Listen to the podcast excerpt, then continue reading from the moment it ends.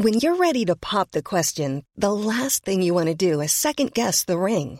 At Bluenile.com, you can design a one of a kind ring with the ease and convenience of shopping online. Choose your diamond and setting. When you find the one, you'll get it delivered right to your door. Go to Bluenile.com and use promo code LISTEN to get $50 off your purchase of $500 or more. That's code LISTEN at Bluenile.com for $50 off your purchase. Bluenile.com code LISTEN.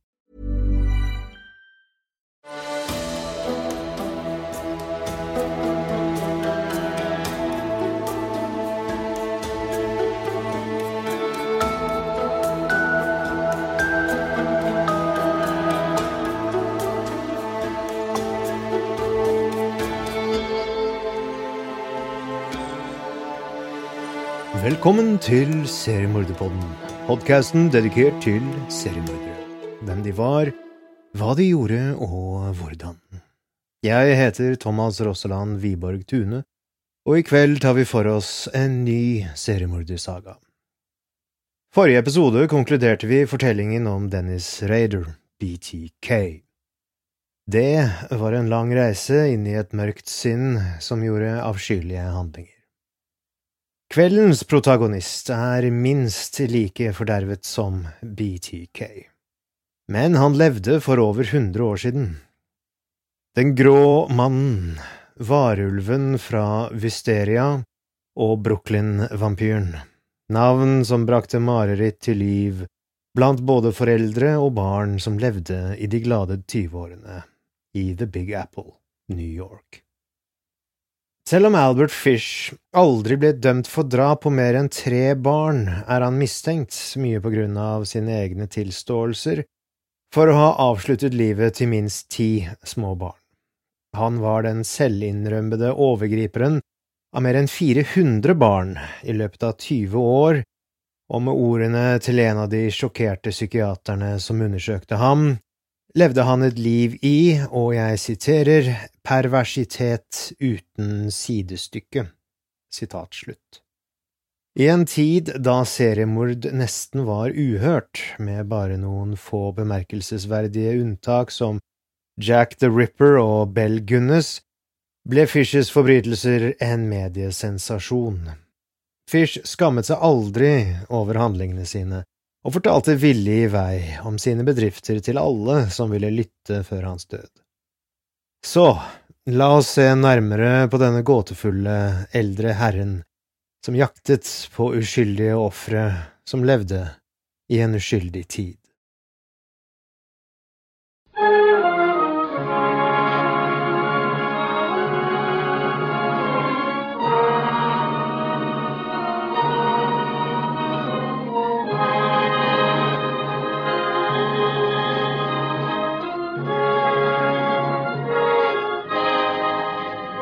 Hamilton, senere i livet kalt Albert Fish, ble født 19. mai 1870 i Washington DC, USA, i en familie som hadde en lang historie med psykiske lidelser. Foreldrene hans forlot ham i ung alder, og han ble sendt til St. Johns barnehjem. Barnehjemmet var, i Fishes minne, et sted for brutalitet, hvor han ble utsatt for regelmessig juling og sadistisk mishandling. Der observerte og opplevde han en rekke perversiteter, inkludert tvungen onani foran andre barn og brutal juling. Fish ble seksuelt opphisset av disse handlingene, noe som bidro til å fremme hans eh, besettelse av sadomasochisme.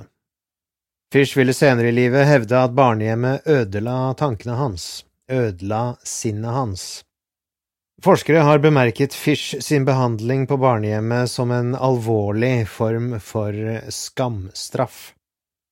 Disse opplevelsene påvirket Fishes senere påstander om å ha alltid ønsket å påføre andre smerte.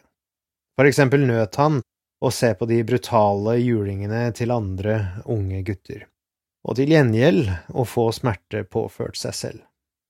Senere i livet vil sistnevnte manifestere seg som Fish sin kompulsive trang til å utføre handlingen kjent som pikerism, eller pikerisme, der man skyver nåler inn i kroppen rundt området mellom pungen og anus.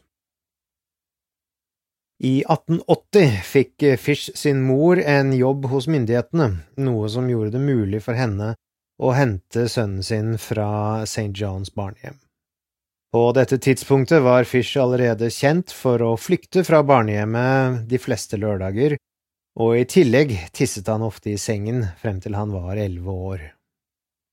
På et tidspunkt i hans tidlige liv gav et fall fra et kirsebærtre Fish en hjernerystelse som førte til påfølgende hodepine, svimmelhet og en alvorlig stamming.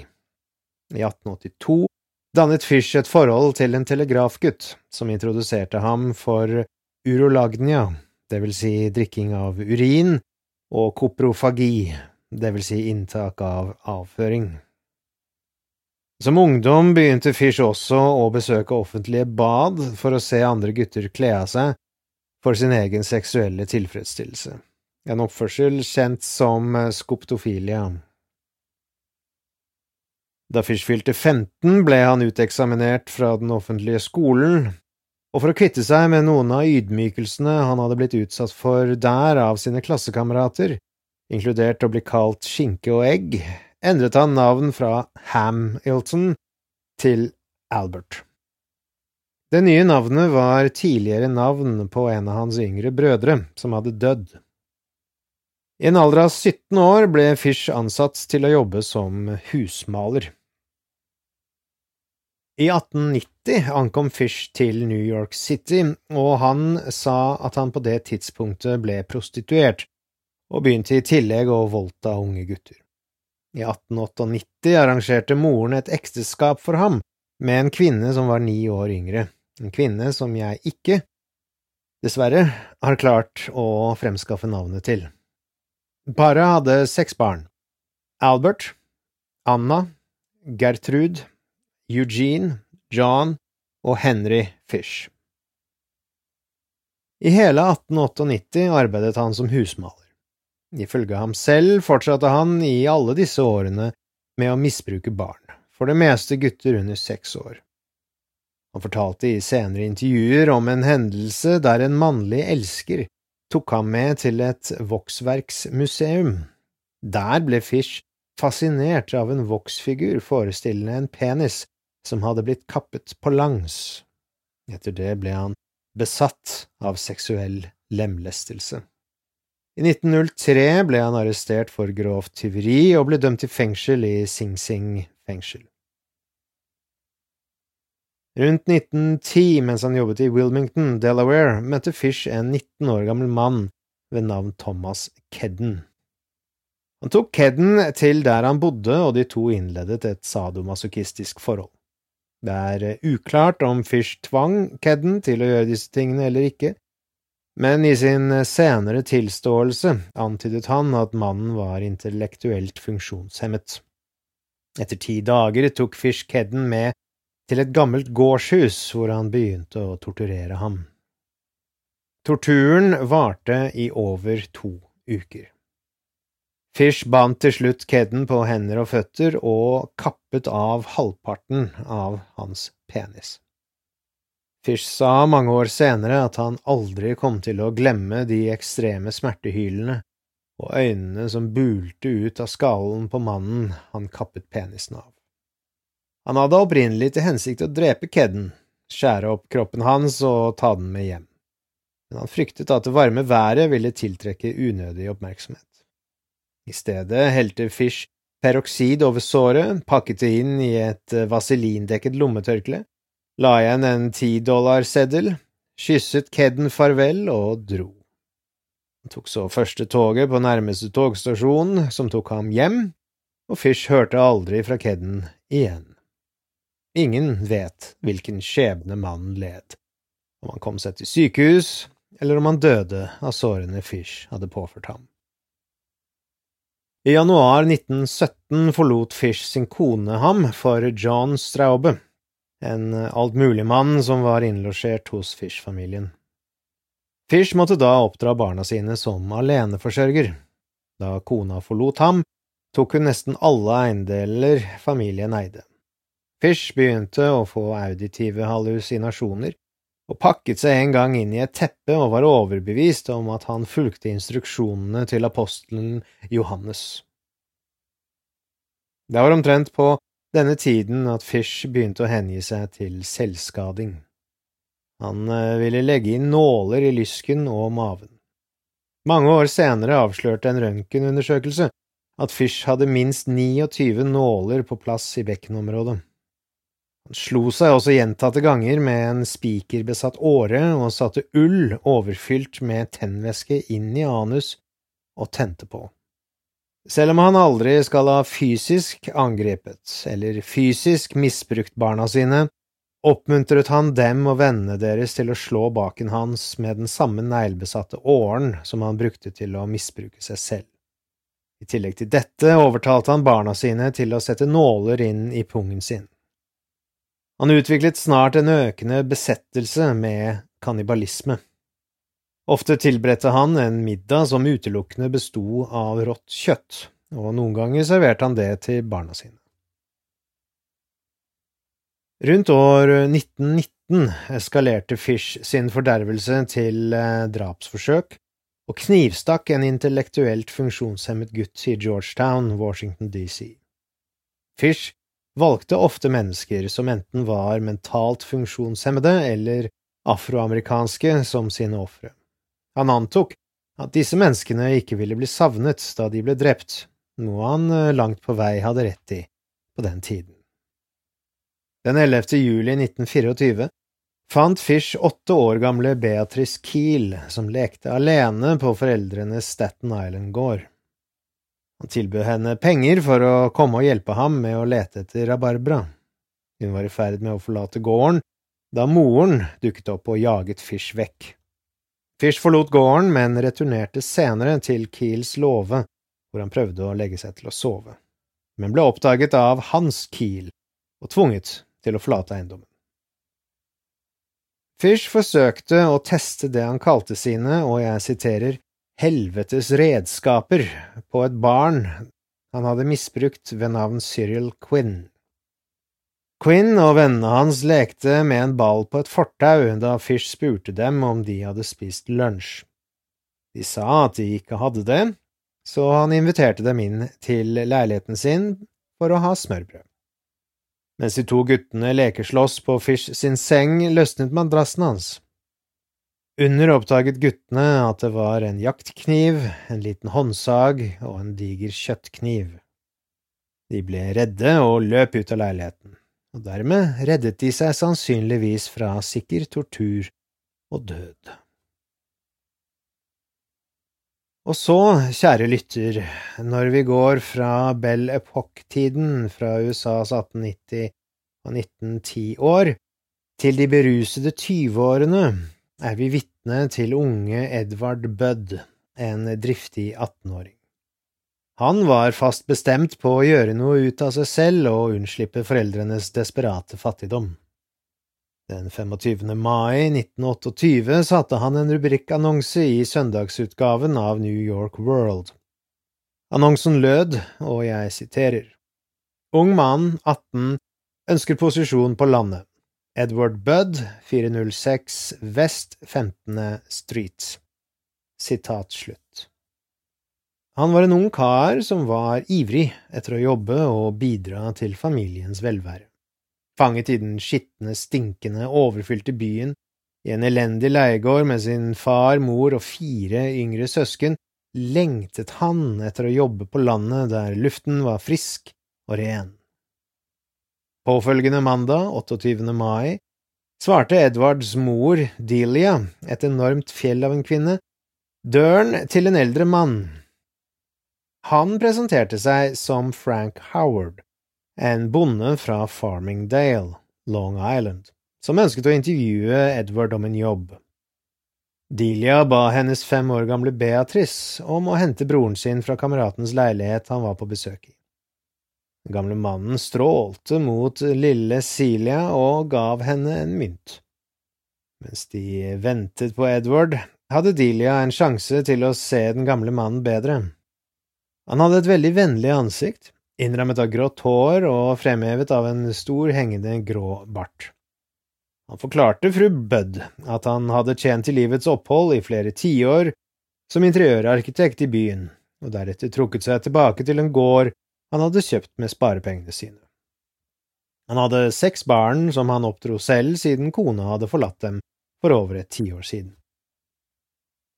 Edward kom kort tid etterpå inn og møtte Mr. Howard, som bemerket guttens størrelse og styrke. Edward forsikret den gamle mannen om at han var en eh, arbeider med høy arbeidsmoral. Mr. Howard tilbød ham 15 dollar i uken, noe Edward godtok med glede. Howard tilbød seg til og med å ansette Willy, Edwards nærmeste kamerat. Mr. Howard måtte reise av sted på en avtale og lovet å komme tilbake lørdagen for å hente dem begge. Guttene var begeistret, og Buds-familien var glade for at en god stilling med den snille gamle herren hadde kommet så raskt fra Edwards beskjedne annonse. Imagine the softest sheets you've ever felt. Now imagine them getting even softer over time. That's what you'll feel with Bowl and Branch's organic cotton sheets. In a recent customer survey, 96% replied that Bowl and Branch sheets get softer with every wash. Start getting your best night's sleep in these sheets that get softer and softer for years to come. Try their sheets with a 30-night guarantee. Plus, get 15% off your first order at bowlandbranch.com. Code BUTTERY. Exclusions apply. See site for details. I'm Sandra, and I'm just the professional your small business was looking for. But you didn't hire me because you didn't use LinkedIn jobs. LinkedIn has professionals you can't find anywhere else, including those who aren't actively looking for a new job but might be open to the perfect role, like me. In a given month, over 70% of LinkedIn users don't visit other leading job sites. So if you're not looking on LinkedIn, you'll miss out on great candidates like Sandra. Start hiring professionals like a professional. Post your free job on linkedin.com/people today. Lørdag 2. juni skulle være den store dagen, men Mr. Howard dukket ikke opp. I stedet fikk de et håndskrevet notat fra Mr. Howard om at han hadde blitt forsinket og ville ringe dagen derpå. Neste morgen rundt elleve kom Frank Howard til Buds leilighet med gaver, ferske jordbær og fersk kremet gryteost. Han forklarte at produktene kom rett fra hans egen gård. Delia overtalte den gamle mannen til å bli til lunsj. For første gang fikk Albert Budd senior en mulighet til å snakke med sønnens nye arbeidsgiver. Det var den typen snakk som gjør en far veldig glad. Her var denne vennlige, høflige gamle herren som i detalj beskrev sine tyve hektar med jordbruksland, sitt vennlige mannskap av gårdsmenn og et enkelt sunt liv på landet. Da de satte seg til lunsj, åpnet døren seg, og en veldig pen, ti år gammel jente dukket opp. Gracie nynnet på en sang.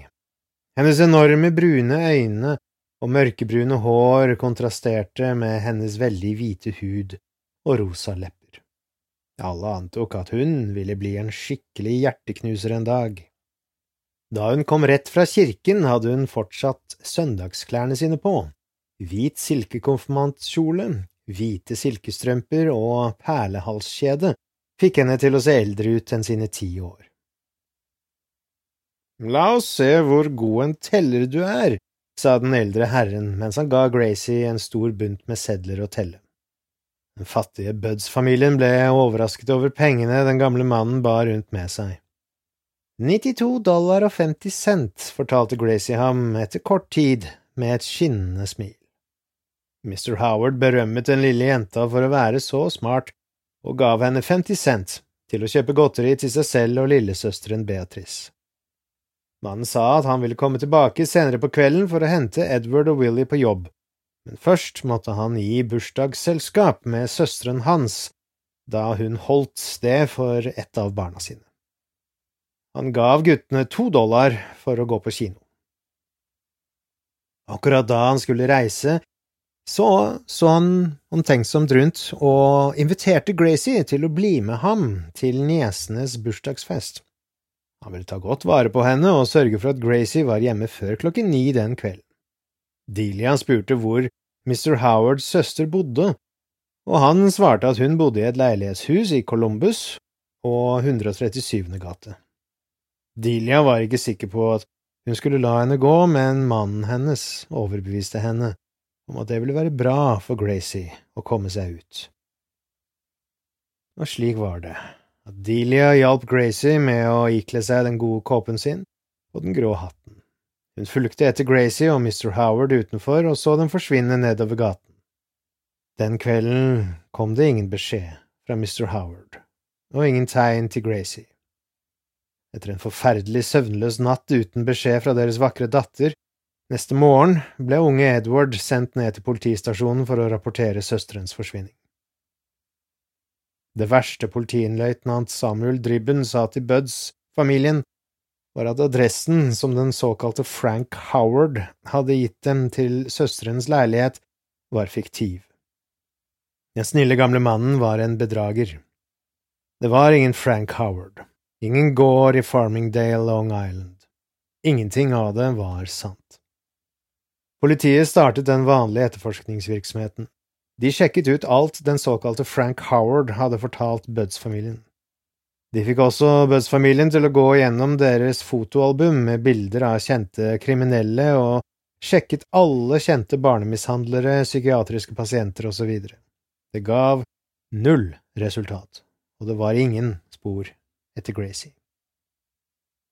Den 7. juni sendte New York-politiet ut 1000 løpesedler til politistasjoner over hele landet med et bilde av Gracie og en beskrivelse av Mr. Howard. Denne aktiviteten, sammen med all den lokale publisiteten, garanterte en epidemi av Gracie-observasjoner og tullebrev, som hver måtte undersøkes grundig av de mer enn 20 detektivene som hadde blitt tildelt saken. Det var et par solide ledetråder, Politiet fant Western Union-kontoret på Manhattan, hvorfra den mystiske Frank Howard hadde sendt sin melding til Buds-familien, pluss den originale håndskrevne meldingen. Fra skrivingen og grammatikken var det tydelig at Howard hadde en viss utdannelse. Politiet fant også selgeren der Howard hadde kjøpt gryteosten som han hadde gitt til Buds-familien. Begge adressene var i East Harlem, som deretter ble et samlingspunkt for intenst søk og etterforskning. New York-politiet var ikke fremmed for barnekidnapping. Faktisk var det en merkelig lignende sak bare året før. Den 11. februar 1927 lekte fire år gamle Billy Gaffney i gangen utenfor leiligheten sin med sin tre år gamle nabo som også het Billy. En tolv år gammel nabo som passet sin sovende lillesøster, gikk for å bli med guttene, men dro raskt tilbake til leiligheten sin etter å ha hørt søsteren gråte. Noen minutter senere la den eldre gutten merke til at de to Billyene var borte, og fortalte det til den yngre Billys far. Etter desperat leting fant faren sin tre år gamle sønn alene i øverste etasje av bygget. Sønnen hans hadde vært oppe på taket. Hvor er Billy Gaffney? spurte mannen sin sønn. Busemannen tok ham, svarte den lille gutten. Dagen etter, da en tropp med detektiver kom for å undersøke forsvinningen til Gaffney-gutten, ignorerte de det tre år gamle vitnet, som holdt seg til sin enkle forklaring. Først trodde politiet gutten hadde vandret utenfor og inn i noen av fabrikkbygningene i nabolaget, eller enda verre, hadde falt i Goanus-kanalen noen kvartaler unna. Folk i lokalsamfunnet organiserte et søk, og kanalen ble mudret, men det var ingen tegn til lille Billy. Etter hvert hørte noen på det tre år gamle vitnet som gav dem en beskrivelse av busemannen. Han hadde vært en slank, gammel mann med grått hår og grå bart. Politiet tok ikke hensyn til beskrivelsen, og koblet den ikke til en forbrytelse som hadde blitt begått av den grå mannen noen år tidligere, i juli 1924. Åtte år gamle Francis MacDonald hadde lekt på verandaen til hjemmet sitt i den pastorale Charlton Woods-delen av Staten Island. Moren hans satt i nærheten og ammet sin spedbarnsdatter da hun så en mager eldre mann med grått hår og bart midt på gaten. Hun stirret på den merkelige, lurvede mannen som stadig knyttet og løsnet nevene og mumlet for seg selv. Mannen vippet den støvete hatten mot henne og forsvant nedover gaten. Senere samme ettermiddag ble den gamle mannen observert igjen da han glodde på Francis og fire andre gutter mens de spilte ball. Den gamle mannen kalte Francis bort til seg. De andre guttene fortsatte å spille. Noen minutter senere var både den gamle mannen og Francis forsvunnet. En nabo hadde lagt merke til en gutt som så ut som Francis, som den ettermiddagen hadde gått inn i et skogområde med en eldre gråhåret mann rett bak seg. Forsvinningen til Francis ble ikke lagt merke til før han gikk glipp av middag. Faren hans, en politimann, organiserte et søk. De fant gutten, i skogen under noen grener. Han var blitt forferdelig overfalt. Klærne hans hadde blitt revet av kroppen, og han var blitt kvalt med bukseselene. Francis hadde blitt slått så hardt at politiet tvilte på at den gamle trampen virkelig kunne være så gammel og skrøpelig som han hadde sett ut. Bankingen var så kraftig at kanskje den gamle mannen hadde en medskyldig som hadde krefter til å maltraktere barnet så grusomt. Hadde politiet vært raskere med å koble disse to barnebortføringene med bortføringen av lille Gracie de nå sto overfor, ville hennes skjebne kanskje ikke vært beseglet. Men som praksisen var på denne tiden, samarbeidet ikke forskjellige politidistrikter, og det var ingen sentralisert register over savnede barn, slik vi har i dag med Amber Alerts og annet. Og selvfølgelig eksisterte ikke FBI på denne tiden. Og så, til tross for den massive innsatsen fra politiet og samfunnet, hadde den grå mannen forsvunnet i løse luften. År senere, i november 1934, var eh, Gracie Budd-saken offisielt fortsatt åpen, selv om ingen noensinne forventet at den skulle bli løst. Bare én mann, William F. King, fortsatte å følge saken. En gang iblant plantet King en falsk sak om et brudd i saken til avismannen Walter Winchell. 2. november 1934 tok Winchell og publiserte følgende, og jeg siterer. Jeg undersøkte Grace Budd-mysteriet. Hun var åtte da hun ble kidnappet for rundt seks år siden, og jeg kan trygt fortelle deg, kjære leser, at avdelingen for savnede personer vil løse saken, eller de forventer å gjøre det innen fire uker. Sitat slutt. Ti dager senere fikk Delia Budd et brev som mangelen på hennes utdannelse heldigvis hindret henne i å lese. Sønnen hennes Edward leste brevet i stedet og løp ut døren umiddelbart etterpå for å hente detektiv King. Brevet var enestående barbarisk og er fortsatt sannsynligvis et av de aller mest kjente brevene fra en seriemorder bortsett fra det beryktede From Hell-brevet sendt fra Jack the Ripper og korrespondansen til BTK og Zodiac-morderen. Brevet sendt Buds-familien lyder som følger, og jeg siterer. Min kjære fru Bud. I 1894 seilte en venn av meg som en dekkshånd på dampskipsbåten Tacoma under kaptein John Davis. De seilte fra San Francisco til Hongkong i Kina. Da han ankom dit, gikk han og to andre i land og ble fulle. Da de kom tilbake, var båten borte. På den tiden var det hungersnød i Kina. Kjøtt av alle slag var fra én dollar til tre dollar pundet. Så stor var lidelsen blant de svært fattige at alle barn under tolv år ble solgt som mat for å hindre andre fra å sulte. En gutt eller jente under 14 år var ikke trygge på gaten. Du kunne gå i hvilken som helst butikk og be om biff, koteletter eller lapskauskjøtt. En del av den nakne kroppen til en gutt eller jente ville bli hentet ut, og akkurat det du ville ble kuttet fra den. En gutt eller jentes bakende er den søteste delen av kroppen og ble solgt som kalvekotelett, og gikk for den høyeste prisen. John ble der så lenge at han fikk smak for menneskekjøtt. Ved sin gjenkomst til New York stjal han to gutter, en på syv og en på elleve. Tok dem med seg hjem, kledde dem nakne og bandt dem i et skap. brente alt de hadde på seg. Flere ganger hver dag og natt slo han dem, torturerte dem, for å gjøre kjøttet deres godt og mørt.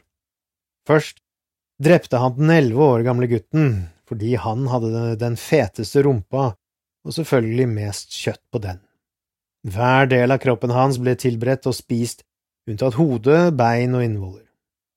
Den ble stekt i ovnen, hele rumpa, kokt, stekt, stekt og stuet. Den lille gutten var neste, gikk samme vei.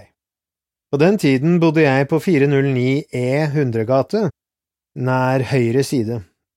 Han fortalte meg så ofte hvor godt menneskekjøtt var at jeg bestemte meg for å smake på det.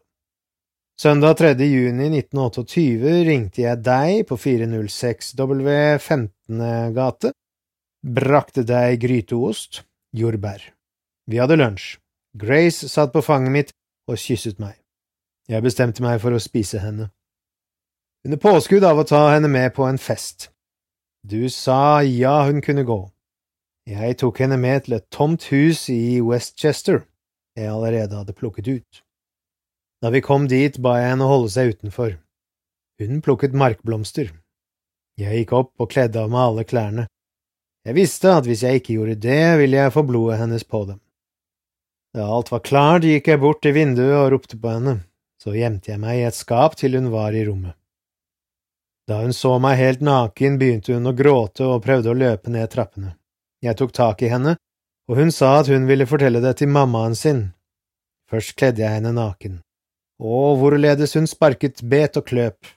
Jeg kvalte henne i hjel, og kuttet henne deretter i små biter slik at jeg kunne ta med meg kjøttet til rommet mitt, koke og spise det.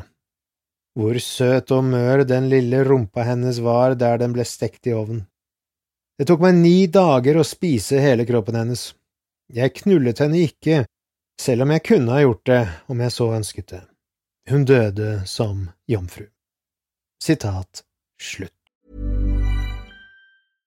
Imagine the softest sheets you've ever felt. Now imagine them getting even softer over time. That's what you'll feel with Bowl and Branch's organic cotton sheets. In a recent customer survey, 96% replied that Bowl and Branch sheets get softer with every wash. Start getting your best night's sleep in these sheets that get softer and softer for years to come. Try their sheets with a 30-night guarantee. Plus, get 15% off your first order at bowlandbranch.com. Code BUTTERY. Exclusions apply. See site for details.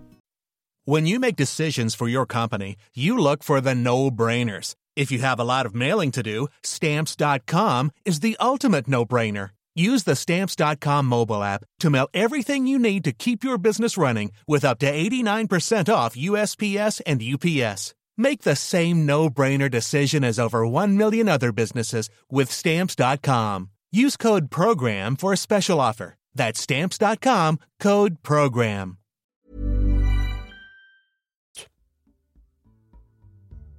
Og med det, kjære lytter, kommer vi til slutten av del én i sagaen om Albert Fish. Jeg håper du har satt pris på vår lille tid sammen i kveld, og neste episode i denne fortellingen kommer altså om to uker. Så som de sier i Radioland, følg med.